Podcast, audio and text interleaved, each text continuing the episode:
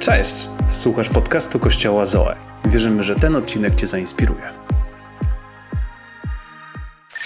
Cześć Kościele, cieszę się bardzo, że tutaj jesteśmy. A dzisiaj kontynuujemy naszą serię i mówimy na temat obietnic. Od kilku tygodni mówimy na temat obietnic i mówiliśmy o tym, że e, Biblia jest pełna obietnic i znajduje się tam kilka tysięcy obietnic, które tyczą się różnych aspektów naszego życia.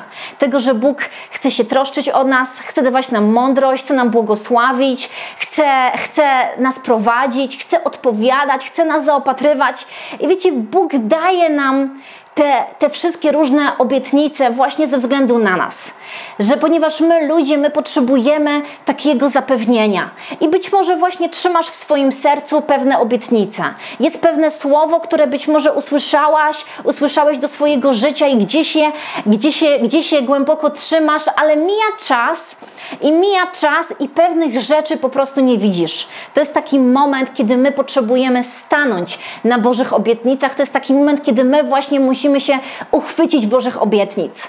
I wiecie, kiedy myślałam w tym tygodniu o Bożych obietnicach, Cały czas gdzieś w mojej głowie krążyła ta historia o Abrahamie i o Sarze i wiem, że nawet Szymon o tym mówił kilka tygodni temu, ale chciałabym, żebyśmy dzisiaj zatrzymali się przy tej historii, dlatego że wierzę, że ta historia może nas zachęcić. Więc chciałabym, żebyśmy sobie o tym trochę na początku przypomnieli. Pamiętacie, że Abraham, on otrzymał od Boga obietnicę, że będzie miał liczne potomstwo.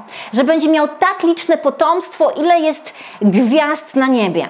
Ale mijał pewien czas i mijał mijał pewien czas i on patrzył, widział swoje stare ciało i, i nie miał jeszcze w tamtym czasie swojego potomka. I wiecie, ja myślę, że to jest taka sytuacja, w której my często się znajdujemy. Jesteśmy podekscytowani, dlatego że gdzieś uchwyciliśmy słowo od Boga, odebraliśmy dla naszego życia obietnicę, ale mija pewien okres w naszym życiu i my tych pewnych rzeczy jeszcze nie widzimy, my ich jeszcze nie dostrzegamy. To jest taki moment, kiedy najczęściej przychodzi zwątpienie, kiedy pojawia się frustracja, kiedy pojawia się w nas taki wewnętrzny konflikt otrzymaliśmy obietnicę, ale jeszcze nie widzimy jej w naszym życiu. I ja bym chciała zwrócić dzisiaj uwagę na to, że czasami, kiedy oczekujemy na naszego Izaaka, po drodze gdzieś tworzymy swoich Ismaelów. Czasami, kiedy oczekujemy na naszą obietnicę, gdzieś po drodze podejmujemy swoje własne decyzje, które są podyktowane naszym, naszym rozumowaniem, naszym logicznym myśleniem, czasami nawet naszą cielesnością. Wiecie, więc kiedy przypomniemy sobie tą historię Abrahama i Sary, my, my wiemy o tym, że oni byli pewni tego, że jeżeli Bóg dał słowo, to Bóg z pewnością wypełni tą obietnicę. Ale kiedy mija pewien czas, My często wchodzimy w takie miejsce, gdzie zaczynamy szukać swoich własnych rozwiązań. Kiedy mija pewien czas, my, my zaczynamy pewne rzeczy interpretować po swojemu. Zaczynamy e, rozkminiać, rozwiązywać, dochodzić do tego, dlaczego jeszcze ta obietnica nie jest widoczna w naszym życiu. I wiecie, dokładnie taka sama sytuacja była tutaj. Chciałabym, żebyście zobaczyli, co się wydarzyło. Rzekła więc Saraj do Abrama. Oto Pan odmówił mi potomstwa. Obcuj proszę z niewolnicą moją, może z niej będę miała dzieci. I usłuchał Abram rady Saraj. Nawet nie protestował. Więc widzimy, że Bóg dał słowo do Abrahama i w tamtym momencie Sara, ona była jego żoną. Więc ta obietnica, ona tyczyła się ich razem. To była obietnica dla nich. Ale gdzieś, wiecie, po drodze, kiedy mijał ten czas, Sara znalazła swoje własne rozwiązanie. Sara znalazła swoją własną interpretację. Kiedy pewne rzeczy, wiecie, nie są widoczne w określonym dla nas czasie, kiedy pewne rzeczy, które gdzieś trzymamy w naszym sercu, nie są widoczne w pewnym takim czasie, który my akceptujemy, mamy taką tendencję, aby w tym momencie szukać swojej własnej logiki.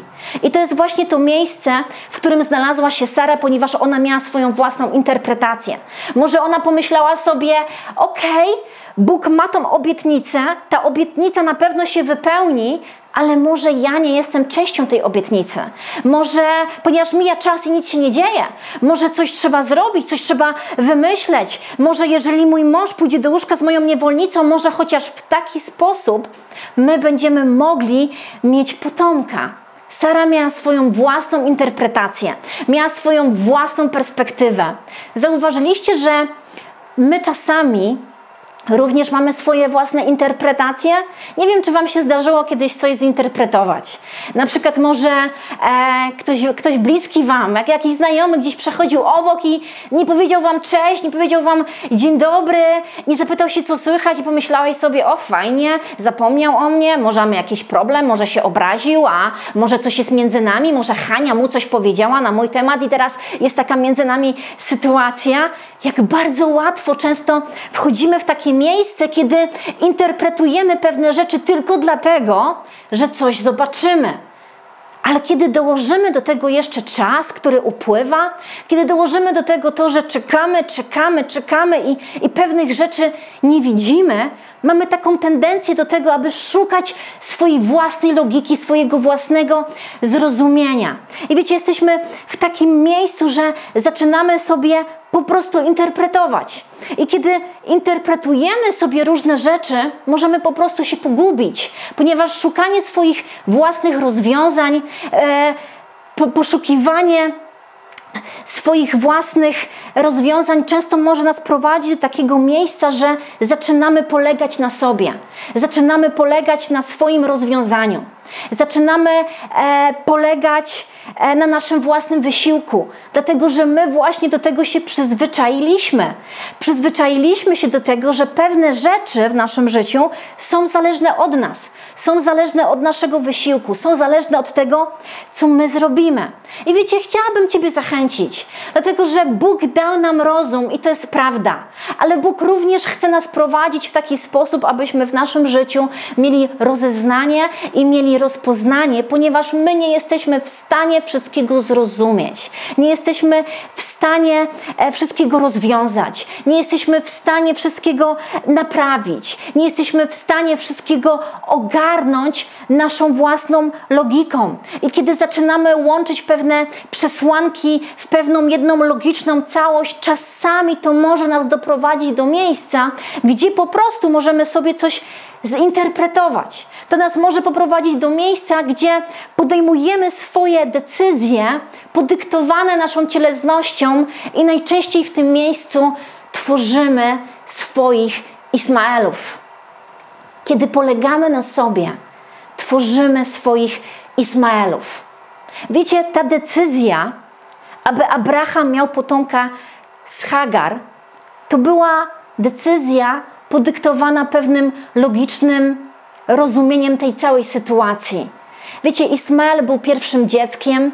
Is, e, e, Ismael był dzieckiem, e, na które Abraham patrzył i myślał sobie, że ono jest wypełnieniem Bożej obietnicy. Z pewnością Abraham starał się włożyć wszystko, co mógł, wychowanie w tego chłopca, aby mu jak najwięcej rzeczy przekazać. I widzimy, że ta cała sytuacja odbija się na życiu każdej z tych osób z wielkim bólem, z pewną konsekwencją, dlatego że Ismael był zraniony, Hagar była zraniona, Sara była tą całą sytuacją zraniona, Abraham był zraniony, kiedy musiał odesłać tego chłopca. I my patrzymy na tą historię, wiecie, w Biblii i czasami myślimy sobie, dlaczego Sara tak wszystko pokomplikowała? Przecież ona miała obietnicę. Ale wiecie, my bardzo często dokładnie w ten sam sposób się zachowujemy. Podejmujemy pewne decyzje w naszym życiu, komplikujemy pewne rzeczy, wchodzimy być może w pewne relacje i to wpływa na to, że być może musimy ponieść pewne konsekwencje. Ale wiecie, to co jest zachęcające, że nawet jeżeli stworzymy w naszym życiu swojego Izmaela, Bóg nie zapomniał o naszym Izaaku. Nawet jeżeli podejmiemy pewne decyzje, które być może pokomplikują nam trochę naszą drogę, Bóg nie zapomniał o naszym Izaaku. Bóg nie zapomniał o swojej obietnicy. I czytamy takie niesamowite słowa w Biblii. Zobaczcie, Zaufaj Panu z całego swojego serca i nie polegaj na własnym rozumie. Licz się z Nim na wszystkich swoich drogach, a On prostować będzie Twoje ścieżki. Sara, ona podjęła pewne decyzje, dlatego że ona chciała przyspieszyć pewne rzeczy. Dlatego, że mijał czas i ona swoimi oczami widziała tylko i wyłącznie trudności. Widziała swoje stare ciało. Ona chciała przyspieszyć ten proces. I myślę, że my często też próbujemy pewne rzeczy w naszym życiu przyspieszyć. Na przykład Bóg chce, żebyśmy w daną relację weszli w odpowiednim czasie, weszli w zdrowy sposób, ale my chcemy to przyspieszyć i wskakujemy w pierwszą, lepszą relację. I w następstwie są pewne konsekwencje lub pewien ból, który ma miejsce w naszym życiu. Więc chcemy pewne rzeczy przyspieszyć, dlatego że czekanie jest bardzo trudne. Czekanie jest bardzo trudne. I ja bym chciała nas dzisiaj zachęcić kilkoma myślami, które tyczą się właśnie czekania. Wiecie, dlatego, że kiedy mamy tą świadomość, jaką rolę odgrywa czekanie w naszym życiu, jest nam o wiele łatwiej podjąć te właściwe momenty w tych sytuacjach, kiedy właśnie nie widzimy. Więc mam nadzieję, że jesteście gotowi na moją pierwszą myśl. Czekanie nas rozciąga. Czekanie nas rozciąga. Wiecie, mój syn, on kiedy coś ode mnie chce, na przykład chce, żebym nalała mu wodę, on przychodzi do mnie i mówi: Mamo, chcę wody. Ja mówię: Poczekaj chwilę, a on mi odpowiada cały czas to samo: Nie umiem czekać, nie umiem czekać, nie umiem czekać. I on będzie tak stał obok mnie tak długo i mówił dokładnie to samo zdanie: Nie umiem czekać, nie umiem czekać, dopóki ja nie naleję mu tej wody. I wiecie, kiedy na niego patrzę, ja rozumiem, że on jest dzieckiem. Ja rozumiem, że jego dojrzałość nie jest jeszcze rozwinięta. Ja oczywiście rozciągam go w tym czekaniu, ale ja to rozumiem. Dziwne by to było dla mnie, gdybym widziała dorosłą osobę zachowującą się w podobny sposób. Jednak bardzo często my zachowujemy się dokładnie tak samo w relacji z naszym Ojcem w niebie. Nie umiem czekać, nie umiem czekać, nie umiem czekać. Czekanie nas rozciąga, czekanie nas wzmacnia. Czekanie jest procesem, w którym my stajemy się tymi, którymi Bóg chce, abyśmy byli. Dlatego, że w tym procesie czekania Bóg nas kształtuje. Czekanie sprawia, że rozciągamy się w naszej cierpliwości, a cierpliwość jest kluczowa, aby otrzymać obietnicę. W, Hebraj, w liście do Hebrajczyków czytamy, zobaczcie takie słowa. Pragniemy, aby każdy z Was był tak gorliwy aż do końca, czyli do dnia, w którym spełni się to, na co teraz z nadzieją czekamy. Nie chcemy bowiem, abyście obniżali sobie poprzeczkę, ale pragniemy, byście naśladowali tych, którzy dzięki wierze i cierpliwości otrzymali od Boga wszystko, co obiecał. Więc widzimy, że cierpliwość, ona jest kluczowa w tym procesie otrzymania obie, obietnicy. Więc czekanie nas rozciąga. Czekanie rozciąga nas i naszą cierpliwość. Czekanie również nie oznacza tego, że mamy nic nie robić. Wiecie, czekanie nie oznacza tego, że mamy w naszym życiu nie wykazywać się inicjatywą. Czekanie nie oznacza tego, że e, mamy nie stawiać odważnych kroków wiary w naszym życiu. Czekanie nie oznacza tego, że mamy usiąść i czekać, aż gwiazdka nam spadnie z nieba. Pamiętacie e, Józefa? Kiedy był małym chłopcem, otrzymał od Boga pewien sen, otrzymał od Boga pewien obraz, ale po drodze działo się wiele różnych sytuacji, wiele różnych trudnych trudnych doświadczeń. I Józef cały czas czekał na wypełnienie się tego snu, ale w miejscu, w którym czekał, on cały czas był aktywny. Tam, gdzie Bóg go postawił, tam zarządzał tym, co było mu powierzone.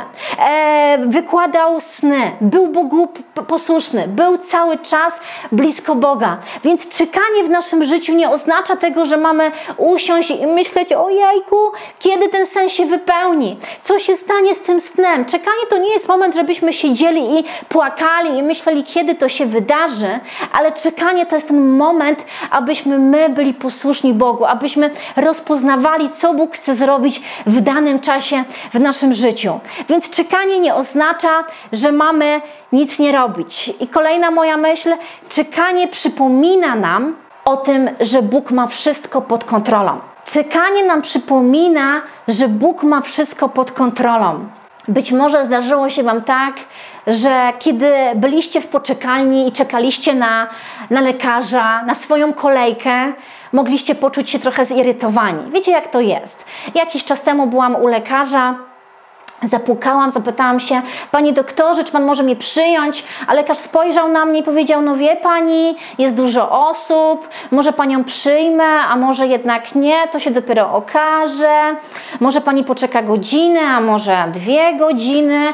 I pomyślałam sobie, wow, to jest bardzo irytujące. Wiecie dlaczego? Ponieważ to nie jest zależne od nas. To jest zależne od doktora, czy on po drodze pomiędzy nami kogoś nie przyjmie, czy ktoś tam nie wejdzie w naszą kolejkę. I czasami czekamy w tej poczekalni, czekamy i się irytujemy, dlatego że nie mamy na tym kontroli. Ale czekanie właśnie nam przypomina w naszym życiu, że to nie my mamy mieć nad tym wszystkim kontrolę. Czekanie nam przypomina, że to Bóg ma nad wszystkim kontrolę, że to On jest Bogiem, nie my i On ma nad tym wszystkim swoją rękę. Czekanie stwarza miejsce, w którym Bóg może działać. Czekanie stwarza miejsce, w którym Bóg może działać. Innymi słowami, Boży czas jest najlepszy. I wiecie, nawet wtedy, kiedy my nie widzimy, nawet wtedy, kiedy my nie dostrzegamy, Bóg cały czas coś czyni. Nawet kiedy my nie widzimy, Bóg cały czas pracuje nad tym naszym Izaakiem. Nie wtedy, kiedy my rezygnujemy, nie wtedy, kiedy my się odwracamy, nie wtedy, kiedy my wybieramy swoją własną drogę, ale właśnie wtedy, kiedy my czekamy. Bo czekanie stwarza to miejsce, w którym Bóg może właśnie działać, ponieważ my cały czas jesteśmy, my oczekujemy tej obietnicy, my oczekujemy, kiedy to się wydarzy.